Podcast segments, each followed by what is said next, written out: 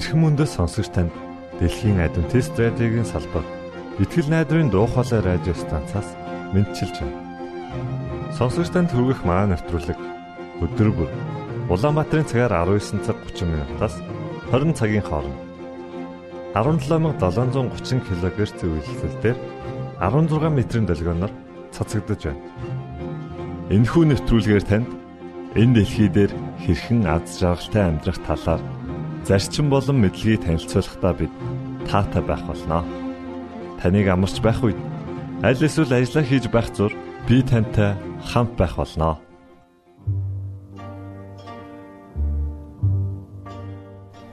Энэ удаагийн нэвтрүүлгээ бид Silent Night хэмээх дуугаар эхлүүлж байна. Харин үүний дараа X үзэл бол нэвтрүүлгийн цуврал дугаарыг хүлээн авч сонсноо. Ингээд хөгжмөдөө артн Thank you.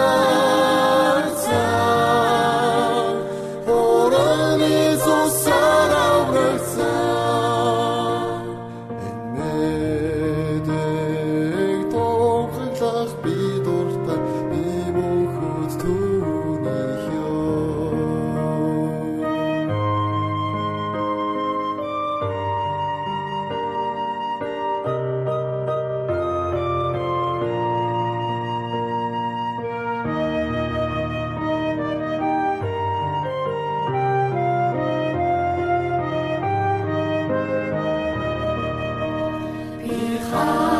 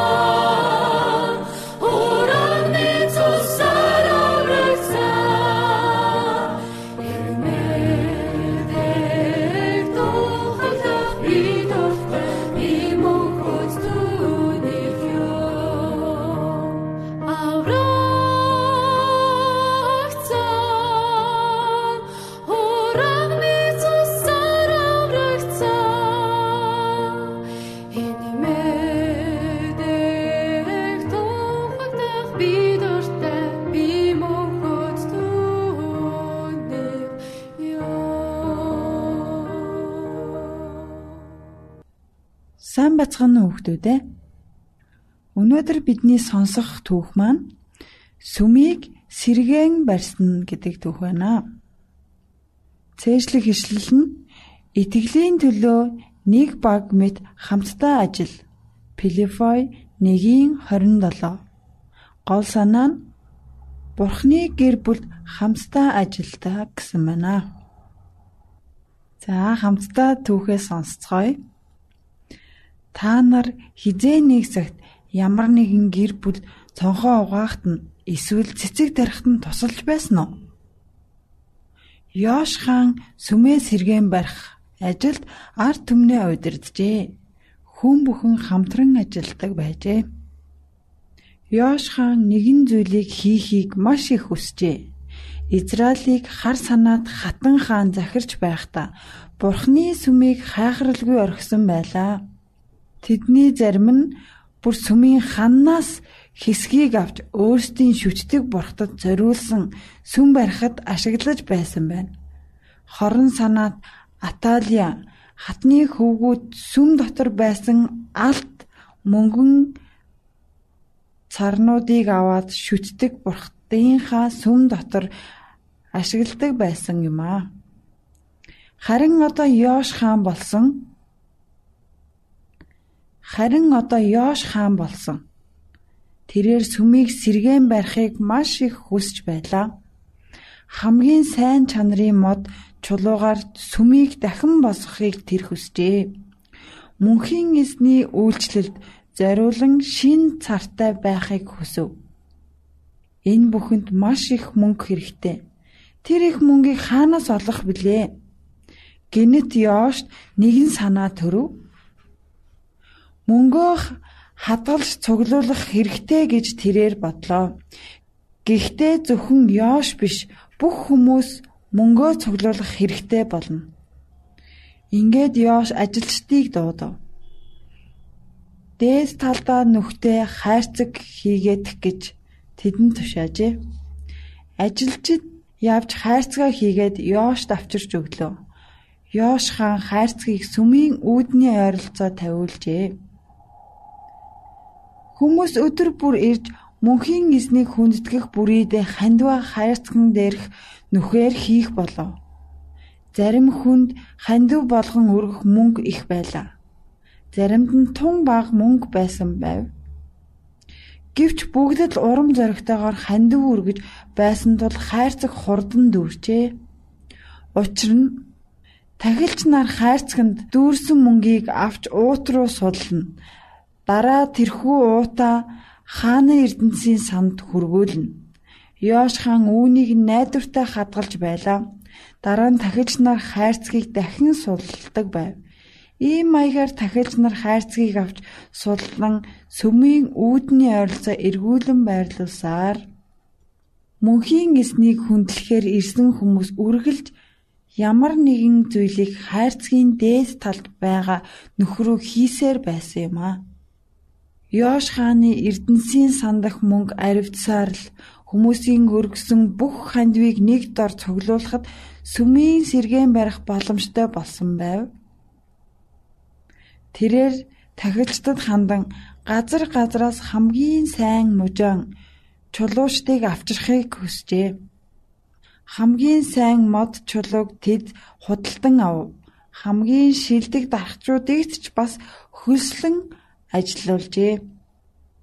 Тэд хамтдаа хүчээ нэгтгэн ажиллаж Бурхны сүмийг анхныхан загвараар сэргээн барьж чадсан юм аа. Барилга дуусах үед тэд хайрцаг болон уутаа шалгаж үзв. Бас баггүй мөнгө үлдсэн байлаа. Йош хаан тэр мөнгөөр нь сүмийн үйлчлэл зориулан шинэ алтан цар болон өөр бусад тавилгуудыг хийлгэжээ сэргэн босгосон сүм болон доторх үйлчлэлд зориулсан олон сайхан зүйлийг харахад Йошт үнэхээр сайхан байсан. Хүмүүсийн сэтгэлч бас баяр хөөртэй байв. Тэд Бурхныг өргөмжлөхийн тулд хамтран ажиллаж чадсан билээ. Тиймээс тэд маш их баяр хөөртэй байсан юм. Тэд Бурханд зориулсан өргөөг онцгой сайхан газар болгож чадлаа. Бид ч бас Бурхныг өргөмжилж чадна. Бид Бурхны өргөөг цэвэрхэн бас сайхан байлгаж чадна. Бид хамтдаа гэртээч, сүм дээрээч, сургууль дээрээч Бурхныг өргөмжилж чаднаа.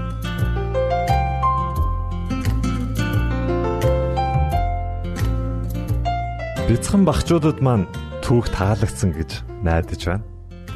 Ингээд та дараагийн нэвтрүүлгээ хүлээн авч сонсноо.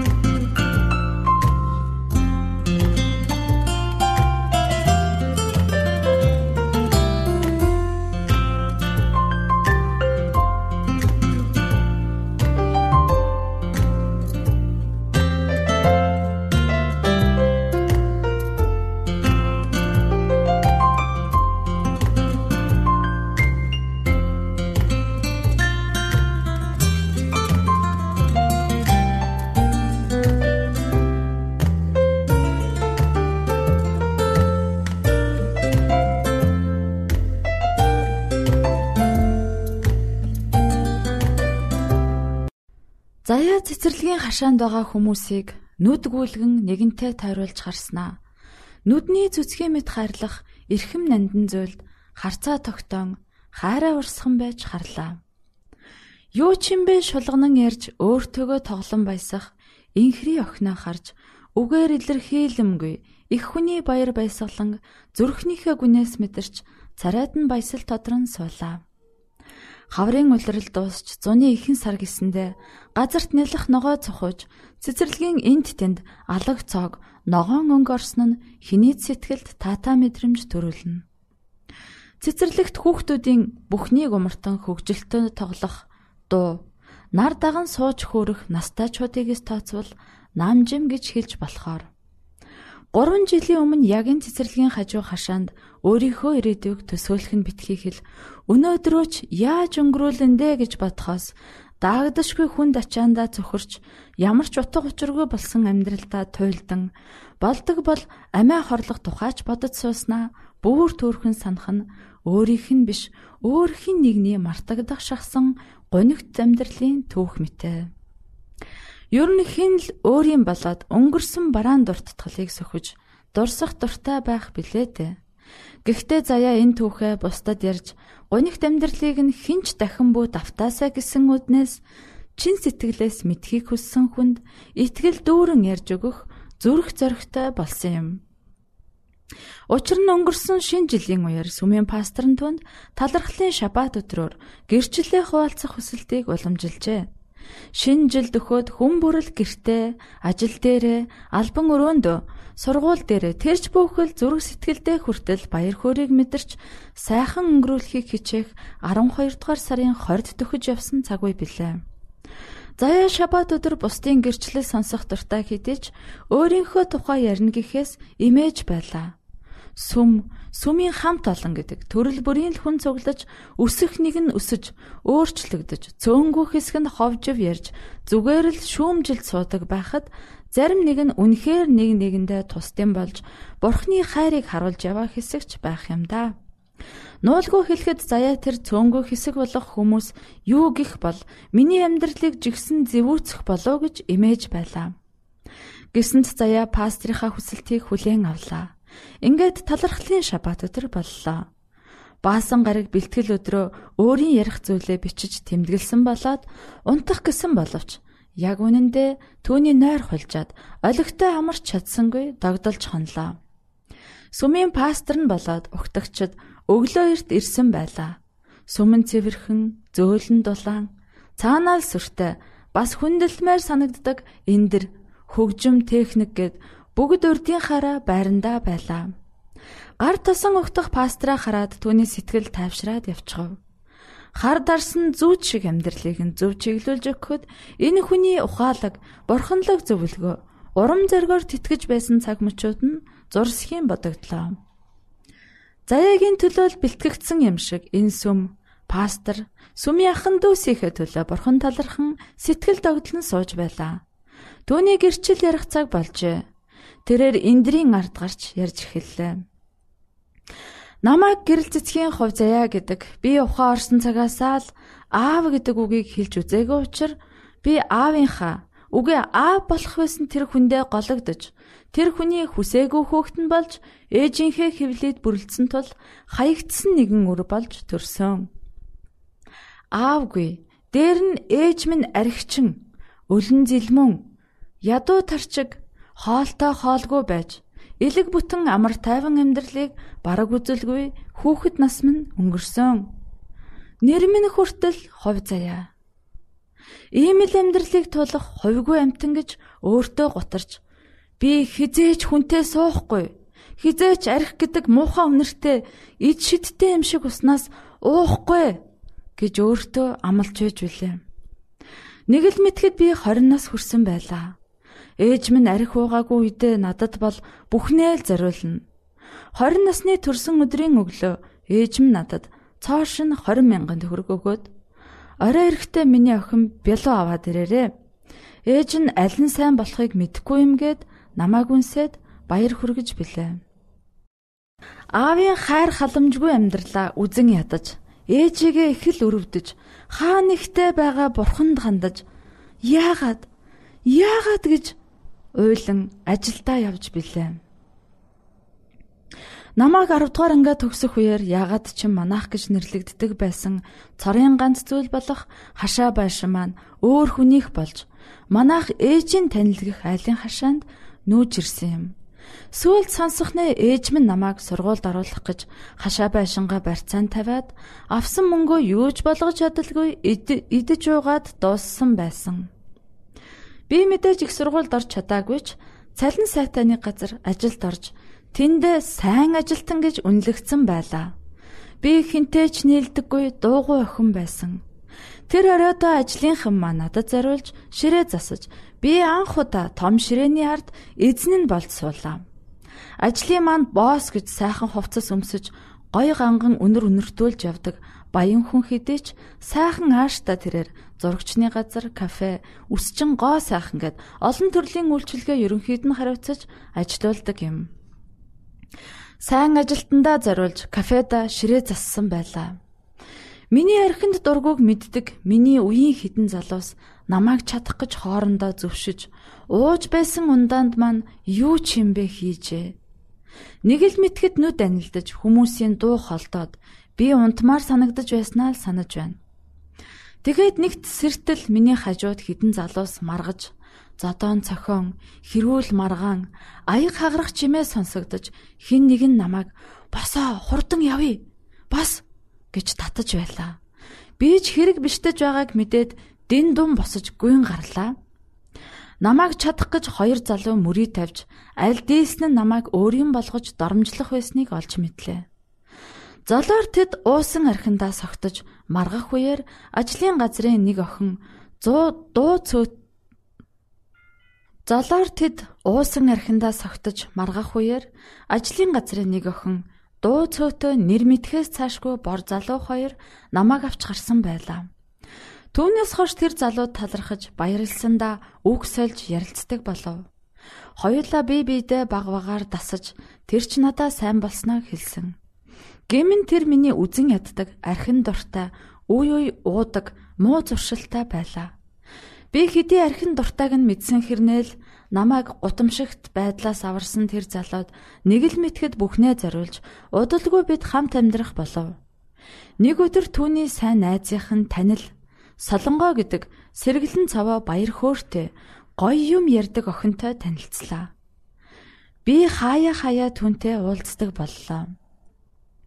Уулзах бүрт миний урд нь хизээч сонсож байгаагүй гой зөвлөгөө хин зохиос нь мэддэхгүй сонин түүх ярддаг байлаа.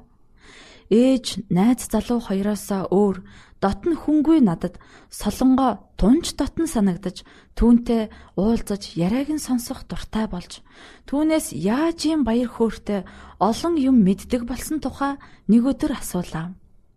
Тэр надад нэгэн сүмд явдаг тухайгаа хэлж нүүр царай, нас, баян ядуу ялгалгүй архичин байсан ч хамаагүй хэнийг ч ялгалгүй хайрладаг бурхан байдаг тухай сонин юм ярьлаа. Тэгээд намайг нэг удаа сүмдээ аваачлаа. Сүм үнэхээр солонгогийн хэлснээр гоё газар байлаа.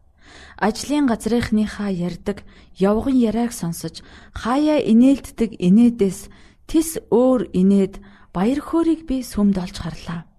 Харин сүмээ тараад өөр ертөнц буюу аригчдын цуглаан намайг огтдог байлаа. Солонгоо нэг өдөр надад Найз залуу чинь арих их уух юм аа. Эртхэн болвол яасан бэ? Чи жирэмсэн болвол чамд бүр хэцүү байх болно штэ гэж зөвлөлөө. Би хайртай гэж бодож байгаа. Намайг доромжллоо саварсан тэр хүнээ орхин гэхээс санаанд багтахгүй байлаа. Солонгог надад зөвлснээ дараахан би удалгүй жирэмсэн болсноо мэдлээ. Яг л солонгийн хэлснээр бүх зүйл муухагаар дуусхан тэрэ. Нулимс гарахаар үгүй болтлоо би уйлсан. Яг л ээжийнхээ адил аавдаа гологцсон хүсээгүй хүүхэдтэй үлтгэн. Мэдээж пастор болоод солонгоо сүмийн ахан дүүс намааг эргэж тойрч хайр халамжаа үзүүлж байсан. Миний хайртай гэж бодож байсан залуугийн маань хэлсэн үг голыг минь гогдож зүрхийг минь өдөр бүр зүсэж байлаа. Чи амьдралаа боддоо. Би чамд хайргүй. Чамааг өрөвдөөд л чамд дассан байх. Тэгээд ч би хүүхдэд дургүй. Би өөрийнхөө гаслан тэмдэрлийг дахин өөрөөсөө үлдэх хүүхэдтэй үлдээхгүй гэсэндээ хатуу шийд гаргалаа. Хүүхдээ ахуулахаар нэг имлэгийн гадаа ирлээ. Гадаа зуны ихэн сар гарсан сайхан дулаахан цэлмэг өдөр байлаа. Зүнхэндээ хадгалсан хідэн дөргөө тэмтэрсээр гадаах цэцэрлэгийн хажуугийн сандалд суулаа. Юу ч бодогдохгүй байх шиг аймаар зүйл байхгүйг тэгхэд л мэдэрсэн. Яавал амиа өвдөхгүйгээр хорлож болох бол хэсэг зурнуудаа анлаа. Пастор болон солонгын хэлж байсан үг ээж минь бүгд л бодогдож байлаа. Чи хэд тоног бодолтой бид бас залбирая. Чи ч өөрөө залбир. Бурхан чамд заавал тусалж хариу хэлнэ. Тэр бол хайрын бурхан шүү дээ гэж солонгын хэлсэн санагдаж байлаа. Бурхан. Бурхан. Бурхан нэрээ надад хайртай болов? Бурхан минь. Бурхан минь гэж юу гэж үргэлжлүүлэхээ ч мэдэхгүй нүдээ нээгээд харлаа. Сүмд дандаа ээжтэйгээ хамт ирдэг, сайхан нэмсгэлдэг, эрхмээ гих залуу өөдөөс ирж явааг харлаа. Тэр гартаа ямар нэгэн барьсан байлаа. Надтай мэдлэнгээ сайхан нэмсгэлж миний гарт авч явсан жижиг хэмжээтэй олон цааснасаа нэгийг атгуулад удахгүй эхлэх семинарт заавал ирээрээ. Чамааг ирвэл бид баяртай хүлээж авна гэд сайхан инээсээр салж явлаа баяртай хүлээж авна гинөө гэж түүний хэлсэн үгийг давтаж хэлсээр урилгыг нь дуртай дургу харлаа. Маш сайхан өнгөтэй тэр жижиг цаасыг уншсан үг бүр одоо ч нүдэнд минь харагддаг. Харин өөрийг нь хүлээн авсан болгонд Бурхны хүүхэд болох эрхийг тэр өгнө. Йохан 1:12 Би ээжээсээ өөр намайг миний хүү гэж дуудах үгийг сонсож байгаагүй. Гэтэл тэр урилган дээр би чамайг үрдийн хайраар хайрлсан. Бурхны хүүхэд болох эрх гэх мэт сайхан үгсийг бичсэн байлаа. Миний зүрх дэлбэрэх гэж байгаа юм шиг л лүг лүг лүг мэдэгдэж нөгөө дууссан гэж бодож байсан нулимс өөрийн эрэхгүй урсан гарч байлаа. Аз жаргал төрөх зам Бурхны хүүхэд болох эрх Бурхны бэлэг болох хүүхдээ Тэнгэрийн эцэгтэй хамт хэрхэн хайраар дүүрэн өсгөх вэ? Хүүхэд би цааш семинарын сэдвүүдийг гүйлгэн уншлаа. Миний дотор Миний дотор тэгэд Бурхны бэлэг бүрлдэж байгаа мó? Нэг л мэтгэд би 10 хоногийн семинарыг ажлаа таслан байж дуустал нь сууж дуусгаад усан баталгаа гэдэг зүйлийг хийлгэх гэж зогсож байлаа. Үнэн дээр миний залбиралд бурхан тухайн өдөр сайхан нэмсгэлдэг эрхмээгээр дамжуулж хариултаа хэлснийг семинарын дараа л ойлгож билээ. Би тэр семинарын үеэр аборт нэртэй чимээгүй аллагын тухай анх удаа сонсож ямар аймар аллах хийх гэж байснаа олж мэдсэн юм. Би мах цусны тасархаа төрсөн эцэгтэй гологдсон хэдий ч намайг яг байгаагаар минь хайрладаг Тэнгэрийн эцэгтэйгээ мэдэж авсан юм. Тэр өдрөөс хойш би Тэнгэрийн эцэг Бурхны хүүхэд болж ааваа гэж сэтгэл хангалуунаар дууддаг эцэгтэй болсон юм. Залуу охтуудаа залуустай хандаж хэлэхэд чиний бодож байгаа харж байгаа бүхэн чинь энэ номон дээр гарсны эсрэг харагдаж жаахан ч гэсэн эргэлзээ төрүүлсэн л бол бүү хийж, бүү шийдэж, бүү дагаж, бүү амьдралдаа алдаа гаргаарай. Залуу сайхан насаа арх тамхи ёс бус зугаа цэнгэл хөнгөн амар мөртлөө аимшигт үр дагавар авчрах амьдралаар бүү солиорой гэж хэлмээр байна. Намайг байгаагаар минь хүлээж авсан ертөнцийн эзэнд баярлалаа.